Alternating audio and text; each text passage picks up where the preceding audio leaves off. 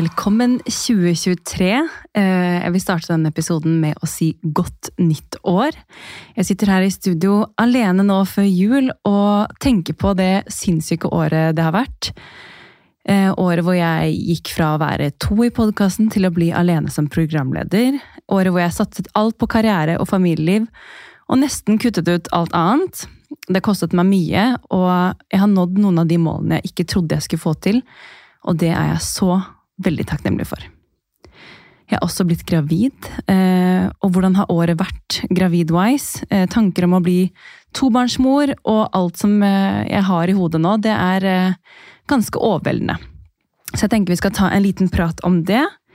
I tillegg skal vi innom highlights fra pod-året som har vært i 2022. Og avslutningsmessig så kommer jeg til å prate litt om målene for det kommende året. Og kommer podden til å fortsette, det må dere vente og høre. Ok, så Som jeg nevnte, så har jeg jo satset mye det året her på karriere og familieliv. Og det har jo blitt sånn at man kanskje ikke har fått opprettholdt kontakt med alle de vennene eller familien man har hatt lyst til. Men hvis man skal få til ting her i livet, så har jeg skjønt at man er nødt til å prioritere. Og det er noe jeg absolutt har blitt bedre på i 2022, og vil veldig gjerne ta med meg videre i 2023. Eh, jeg tror heller ikke jeg har noe valg når jeg får et, barn til å passe på, men eh, jeg tror nok det skal gå fint. Jeg er veldig spent på denne nye rollen som tobarnsmamma, og det føles litt sånn rart å sitte her nå i studio helt alene og med disse tankene, men, men jeg tror at eh, jeg skal klare det veldig bra likevel. Dere har jo spurt meg om hvordan formen er, om jeg kan dele mer om graviditeten, og nå nærmer det seg jo slutten, dere. Så jeg kan ta en liten sånn recap om hvordan svangerskapet egentlig har vært. Fordi i denne podkasten så gjester jo eh, andre og prater om sine liv, og jeg har jo selvfølgelig delt litt her og der, men jeg har jo ikke pratet så veldig mye om hvordan svangerskapet mitt har vært. Eh, så vi tar en liten recap på det også. Jeg har jo Jeg ble jo gravid i juni, fikk en positiv test da. Og var jo selvfølgelig veldig trøtt i starten. Og um, sommeren gikk egentlig overraskende fin. Jeg følte meg litt sånn Ja, man trenger jo å hente seg inn kanskje litt oftere enn det man må når man ikke er gravid, men ellers har liksom formen vært veldig bra. Og jeg, det er nesten sånn at man må klype seg i armen og banke i bordet, fordi man, man skjønner ikke hvor heldig man er som kan gå et svangerskap og nesten ikke ha plager. Så det er jeg veldig takknemlig for. Det har gjort at jeg har kunnet peise på med jobb og alt som hører med. Og man vet jo aldri hvordan den formen er, så det har jo absolutt gjort at jeg har kunnet eh, satse på karriere i det året som har vært. Um, ellers så har formen egentlig vært fin. Det er ikke så veldig mye annet å trekke fram. Jeg kjenner at babyen ligger ganske mye lenger ned i bekkenet denne gangen her. Og det har gjort at jeg blir liksom fort sliten um, i liksom symfyseområdet, hvis man kan kalle det det. Um, men nå er det jo ikke veldig lenge igjen. Når jeg spiller inn dette her før jul, så er det syv uker igjen til termin. Uh, så tiden flyr, dere. Jeg skal ta dere med på den siste reisen uh, før fødsel, og være flink til å dele litt mer før jeg blir tobarnsmamma. Så nå skal vi gå over til eh, hoveddelen av denne podkastepisoden, som da blir highlights fra 2022 podmessig. Eh, og det største som, eller den største overgangen som skjedde i 2022, er jo at eh, Maria, som jeg hadde podkasten med, hun sa opp podden. Og jeg bestemte meg da for å fortsette på egen hånd. Eh, og det har vært en utrolig spennende reise. Jeg var ikke i tvil om at den poden her skulle fortsette, og jeg har, eller føler selv at jeg har de beste lytterne. lytterne som skriver til meg, som engasjerer seg, som kommenterer på at jeg har blitt flinkere som programleder, at jeg utvikler meg, at jeg er god til å stille spørsmål. Eh, og det at jeg har gjester her som åpner seg om ting de syns er vanskelig, og som føler seg trygg i mitt rom, det er jeg veldig takknemlig for. Så det har absolutt vært en veldig spennende reise, og jeg er veldig takknemlig for muligheten eh, jeg har fått, og glad for at jeg har satset videre på egen hånd, så Mamlife har fått en eh, hva skal jeg si 2.0. Ehm, jeg føler jeg har vokst mye på det året her etter å ha fått pratet med så mange utrolig flotte mennesker. Og det har utviklet seg til vennskap og businessrelasjoner også, ut fra, fra de episodene jeg har spilt inn med dere. Og det er jeg så glad for. Så her kommer noen av høydepunktene med gjester fra året som har vært. Aurora Hoff hun ble jo da mamma som 16-åring, og hun gjestet podden og pratet om hvordan det var å bli mamma i tidlig alder. Hvordan former det relasjonen til eh, et barn når man blir, er så ung mamma? Altså, hvordan, hvordan har båndet til deg og Alexandra vært og utviklet seg fra, fra start? Vi har jo et veldig tett bånd, men det handler også veldig om at det alltid har vært henne og meg. Det har liksom vært henne og meg mot resten av verden, i mitt hode veldig. Og det ble jo hun også formet av. Og når man er så mye alene, da, med henne som det også har vært, så blir vi jo på en måte ganske fort et team. Så når hun skulle lære seg å kle på seg, og så fort hun lærte seg å kle på seg, så var det noe liksom hun hadde ansvaret for selv. Det var å kle på seg de klærne som var lagt frem, ta på seg sko. Hun har jo kanskje Hun har jo blitt veldig sånn ansvarliggjort tidlig, uten at hun har hatt et voksent ansvar, men at hun har liksom lagde matpakke selv. Og, altså, det var mange ting hun gjorde fordi vi var et team, da, hun og jeg. Og det har jo også gjort at hun og jeg er veldig sånn ja, Vi har jo et veldig nært bånd. Men hvis du spør Alexandra um, Når venner av henne sier å, du er så kule foreldre, og moren din er så kul og så, så ung, og så ser Alexandra på det og sier jeg syns at hun er skikkelig teit. Og hun er jo skikkelig gammel.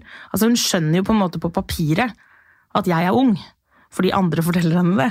Men følelsesmessig så er jeg så like døll mamma som alle de andre dølle mammaene i ungdommene sitt hode. liksom. Som jeg også er veldig glad for og veldig stolt av. Jeg har vært veldig opptatt av det at jeg kommer aldri til å være venninnen hennes, jeg kommer for alltid til å være moren hennes. Eh, selv om aldersforskjellen vår ikke er stor, så er jeg alltid moren hennes. Og det er jo det igjen som er liksom svaret mitt på hvordan er det å bli mor så ung? Nei, det er jo det å bli mamma, da. Mm. Jeg har ikke noe annerledes følelser for barn nummer to enn det jeg har for barn nummer én, annet enn at de er veldig to forskjellige mennesker og på to forskjellige steder. Det er forskjell på å være mor til en toåring og en på snart 14. Man kommuniserer litt annerledes. Men um, Nei, også, nei, egentlig så Det er vel svaret på det. Jeg vil bare ta Et langt svar. Ja, langt svar, men det, det, tåler vi. Jeg lurte litt på sånn, Vi snakket jo litt om uh, i stad hva, hva, de største utfordringene dine har vært. Og da svarte du liksom at det må være liksom alle inntrykkene og alle meningene utenfra. Hvis du tenker nå liksom litt lenger Nå er hun jo 14. Um, har du møtt noen liksom eh, reaksjoner fra andre foreldre som på en måte er eldre enn deg? Og hvordan opplever du noe til det? Ja, nå skjønner jeg det jo på en annen måte enn det jeg gjorde da, for ja. nå har jeg jo blitt voksen sjøl. Um, og skjønner jo definitivt at her kommer det en 17 år gammel dame eller jente som leverer barn, og vi skal på en måte konversere uh, sammen om felles mål uh, i forhold til barna. Jeg skjønner jo at folk på en måte møter det med en litt sånn skepsis, men det som også har fascinert meg veldig, er jo at vi mennesker er såpass enkle. At vi er så opptatt av de normative reglene som liksom har blitt fortalt opp igjennom at man skal ha liksom Du skal være gift, og du skal ha hvitt stakittgjerde, og du skal ha gjerne en bikkje og, og, utdanning og alt før denne ungen kommer, og så kommer den ungen, og så skal du gjøre alt veldig riktig i barnehagen, da. Og så kommer jeg, ung, alene, og egentlig veldig fornøyd, da. Og mestrer det veldig godt, og har ment masse. Jeg har, er veldig opptatt av barneoppdragelse, veldig opptatt av at eh, hvordan vi former barna og fremtiden og være trygge foreldre, som har vært veldig viktig for meg. At mitt hjem skal være et trygt og godt hjem for mitt barn. Eh, og alltid da ment masse, selvfølgelig både i barnehage og på skolen. Um, så i barnehagen så merket jeg jo, og det var noen som kunne klappe meg litt på skulderen og si ja, nei, for du er jo litt ung, så, og var egentlig ganske forsiktig. Og så kommer vi på ungdom, nei, barneskolen, da var det særlig én mor som frem til sjette klasse, hver gang det var et foreldremøte, eller noen mente noe, eller vi snakket om noe, eller noe sånn, så kunne hun alltid liksom fortelle meg at ja, men du er så ung, vet du.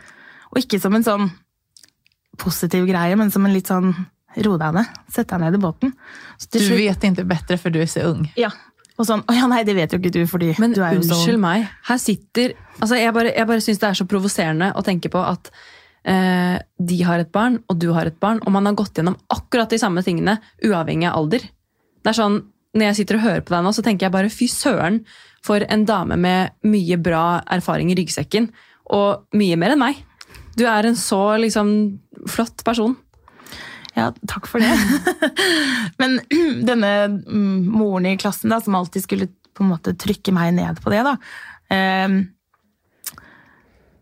i sjette klasse, da, slutten av sjette klasse, det er ikke så lenge igjen før liksom, eh, skolegangen er over eh, på barneskolen, eh, så er, det en sånn bursdagsfest for jentene i klassen. da.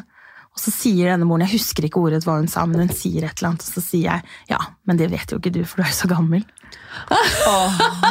For da var jeg så lei. Og fra det å få barn eh, til tidlig IVF, så har jo Tesse Rode hun har gjestet Mamlife to ganger i året som har vært. Først hvor hun pratet om veien mot det å bli gravid, og alt det tøffe hun og partneren hennes gikk, gikk eh, gjennom, til at hun faktisk fikk en positiv test. Og det her har du gjort tre ganger, mm. og fått nei hver gang. Altså negativt beskjed at det har ikke funket. Ja. Alltså jag har så sjukt stor respekt för dig Tessa, jag måste bara säga det. Ja, det, det, här som du är mitt uppe i, alltså det här som du går igenom. Mm. Det är tufft. Ja, det er veldig tøft. Absolutt. Og jeg tenker jo også sånn at det er veldig viktig å prate om det. For jeg kan jo se for meg liksom at det er veldig mange som sitter alene hjemme da, og føler liksom på det at de eh, vil eller ikke vil være i den prosessen og ser at alle andre blir gravide. Og så tenker du at det er bare meg som sitter med det her. da. Hvordan kjennes det for deg når du ser folk rundt omkring deg bli gravide? Mm, jeg blir glad på deres vegne, men veldig lei meg på mine egne. Så det er veldig sånn vanskelig Hvis en person for hadde sagt Den beste måten en person som jeg kjenner, kan si til meg at de har blitt gravide, da, er jo, det tror jeg gjelder for veldig mange, er jo å sende melding. Fordi da kan jeg liksom først kanskje bli litt lei meg på mine vegne, og så kan jeg etterpå bli glad på den personen sine vegne. At du får litt tid å prosesse mm. beskedet. Har du opplevd det? At noen har fortalt deg at de har blitt gravid? Ja, jeg føler som mm. alle mine venninner tror jeg har blitt gravid i løpet av kanskje de siste to årene eller noe. Tesse Rode gjestet Momlife i februar i fjor, hvor hun delte sin historie mot å bli gravid. Hun fortalte at det føltes som noe døde inni henne hver gang mensen kom tilbake. Men hun hadde ikke gitt opp håpet og brukte det gode humøret sitt som en støttespiller. I dag sitter hun høygravid i studio, og jeg er så glad på hennes vegne. Velkommen, Tesse. Tusen takk. Så hyggelig å se deg igjen. I like måte.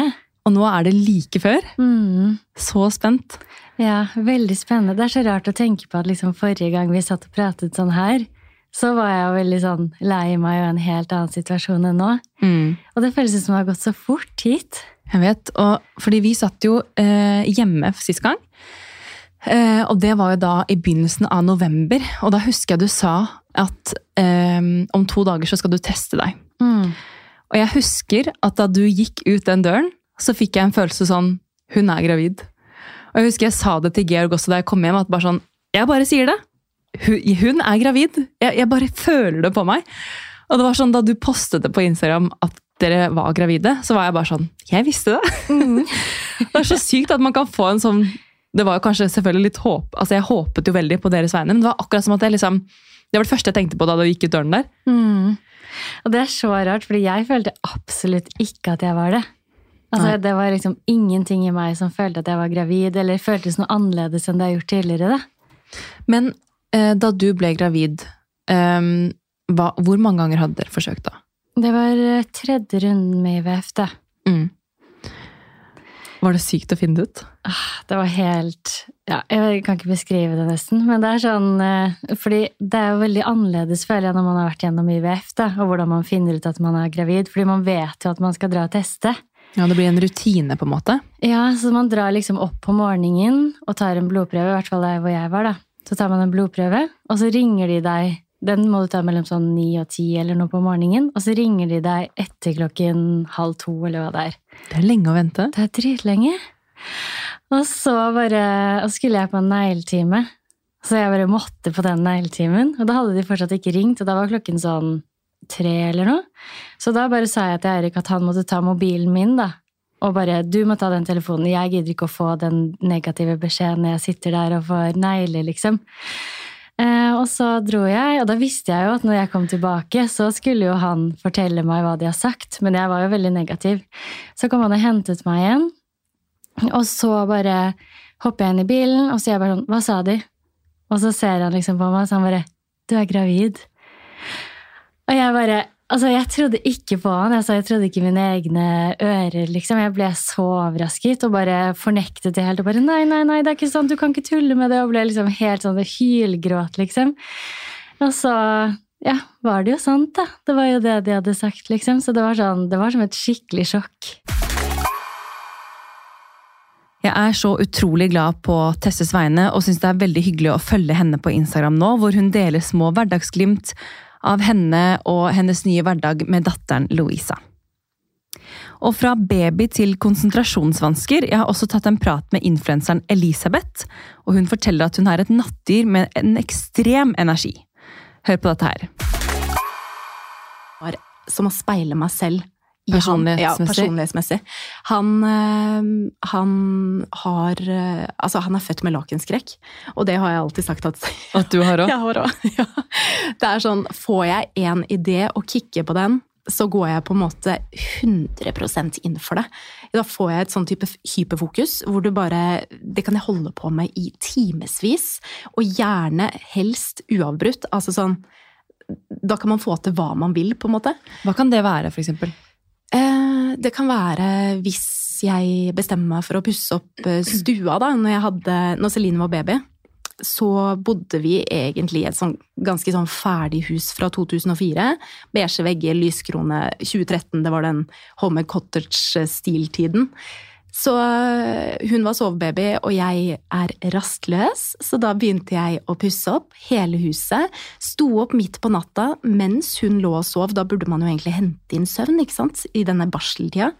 Men da Dette er jo sinnssykt. Ja, det er litt sinnssykt. Men da hadde jeg så kick, og jeg blir så kreativ om natta. Så jeg sto opp klokka Du er sånn nattdyr, du. ja, liksom fire-fem om natta, og så begynte jeg å male da, stua. Og så ble jeg ikke ferdig med den tingen, for døgnet har bare 24 timer, og du har et barn og en mann osv. Altså da han skal gå rundt, da. Um, så da brukte jeg natta flittig til å få gjort eh, ting ferdig, egentlig. Så det er liksom ett eksempel, men jeg kan få sånn hyperfokus på veldig mange forskjellige ting i livet, for så vidt. Men mannen din, da? Hvordan, eh, altså, har han alltid visst dette om deg? At du liksom plutselig bare får sånne kick?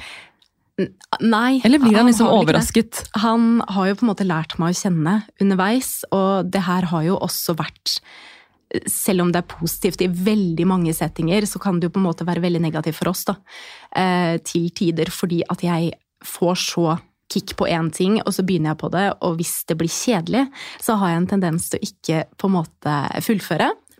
Og det er sykt irriterende når du er sammen med en som er petimeter og vil ha ting gjort ordentlig og gjøre én ting av gangen. Hvordan er egentlig influensebransjen i Oslo?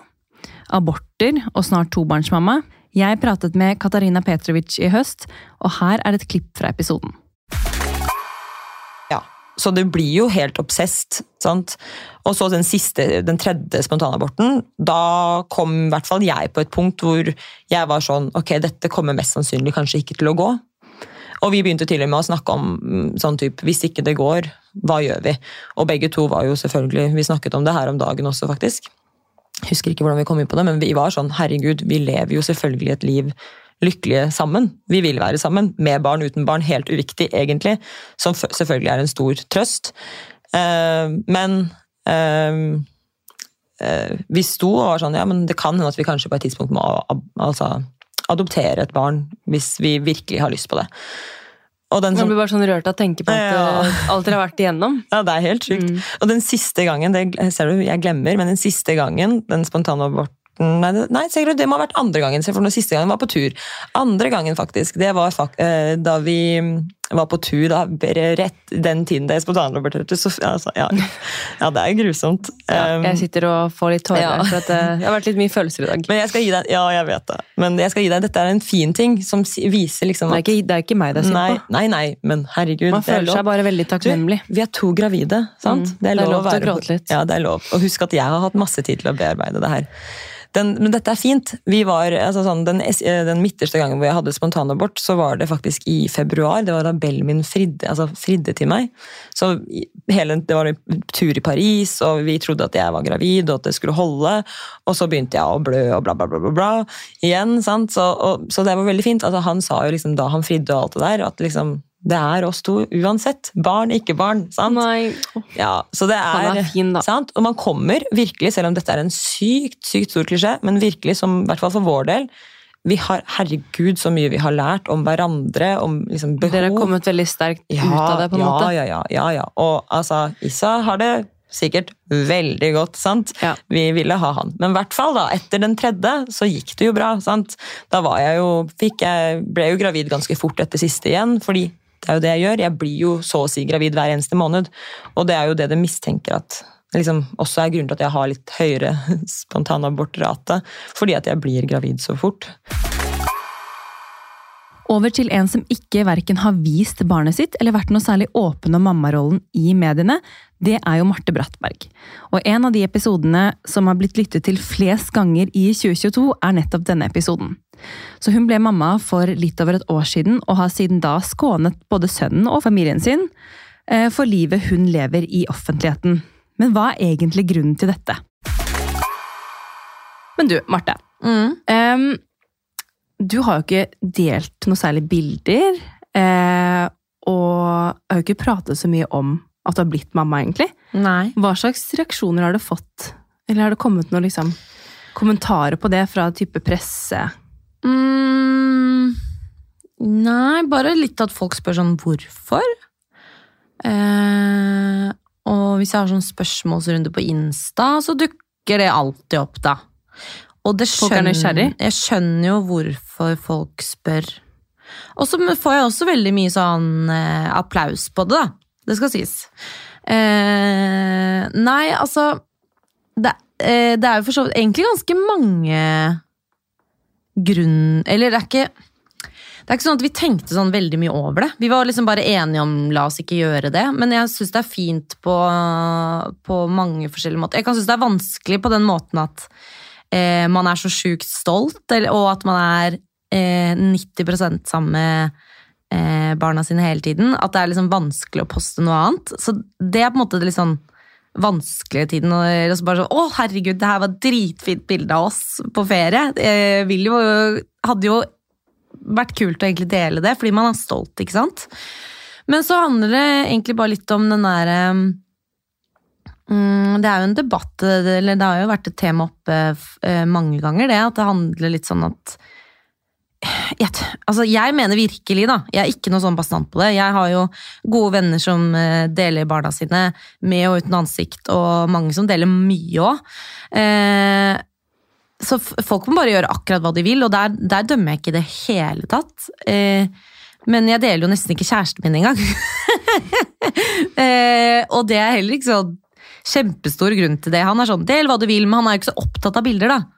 Eh, og, Han er ikke så opptatt av å være i den liksom, offentlige Nei, og så synes sfæren din, liksom. Nei, og så er det sånn hvis vi har pynta oss og skal noe, så tar vi kanskje et par bilder, men så orker jo ikke han mer. Så det er ikke sikkert alltid at de er så fine. Så det er jo litt sånn der, Da gidder man ikke, da. Det er bare litt sånn tilfeldig, og så skjønner jeg eh, Men ja, jeg skjønner at han ikke er så interessert i det, og da bare er det sånn. Da er det ikke så mye av han der, på en måte. Det er ikke sånn veldig mye større grunn enn det. Men eh, når det kommer til eh, babys, da, så var vi bare enige om at det skal vi ikke gjøre.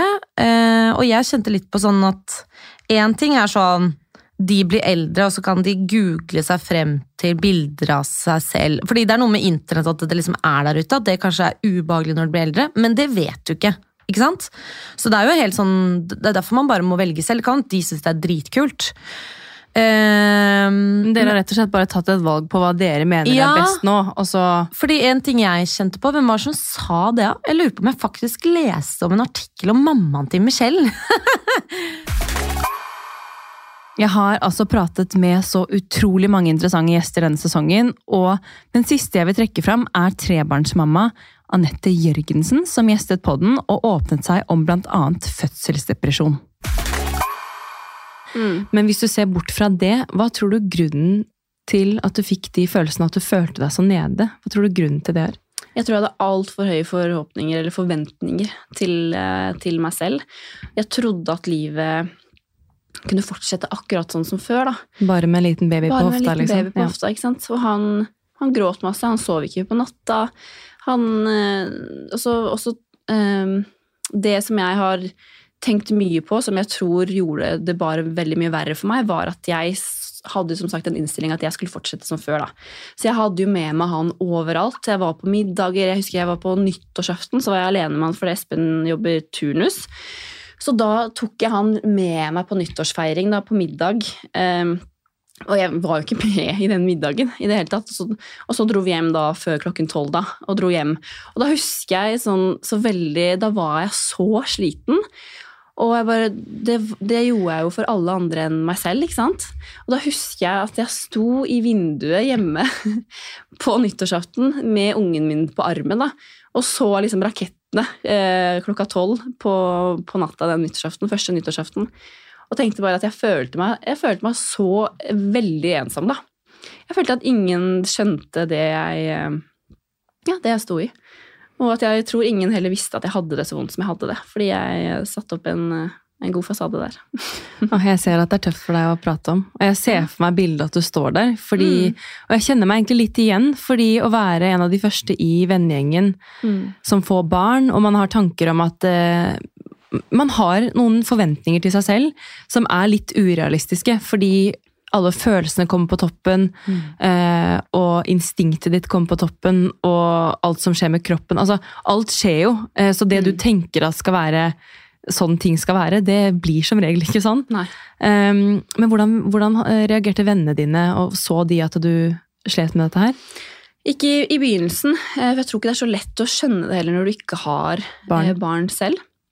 Men etter hvert så skjønte de det, og jeg åpna meg jo mye mer om det også. Eh, og da var de jo kjempestøttende. Og de, de på en måte prøvde jo å forstå det etter beste evne. da. Eh, og det er jo det som jeg setter veldig pris på nå, når jeg har kommet meg ut av det. At det, jeg føler at den erfaringen jeg sitter med der, den hjelper jo også de vennene mine, mine venner nå. fordi om det ikke er fødselsdepresjon, så kommer man jo inn i den mørke perioden, eller noen kan få mørke tanker innimellom uansett. da. Og det er erfaringer som da kan kanskje at man ikke føler seg like alene. Men jeg følte at de ga meg, eh, de ga meg masse støtte og forståelse. Absolutt. Men for meg så handla det om en jobb jeg måtte gjøre, måtte gjøre i meg selv, da. Tusen takk, eh, Anette, igjen der for at du delte historien din. Eh, og Noe av det jeg virkelig føler jeg har fått frem denne sesongen med Momlife, er jo historier som dere lyttere kan kjenne dere igjen i, og gjør at dere føler dere mindre alene som mødre, og også kanskje fedre. Så tusen, tusen takk til alle dere som har delt deres historier. Eh, og det gjør meg også veldig glad når dere forteller at dere får tilbakemelding fra lyttere, og folk skriver til dere og takker for deres åpenhet. Da nærmer det seg en liten avslutning på denne første episoden av Momlife i 2023.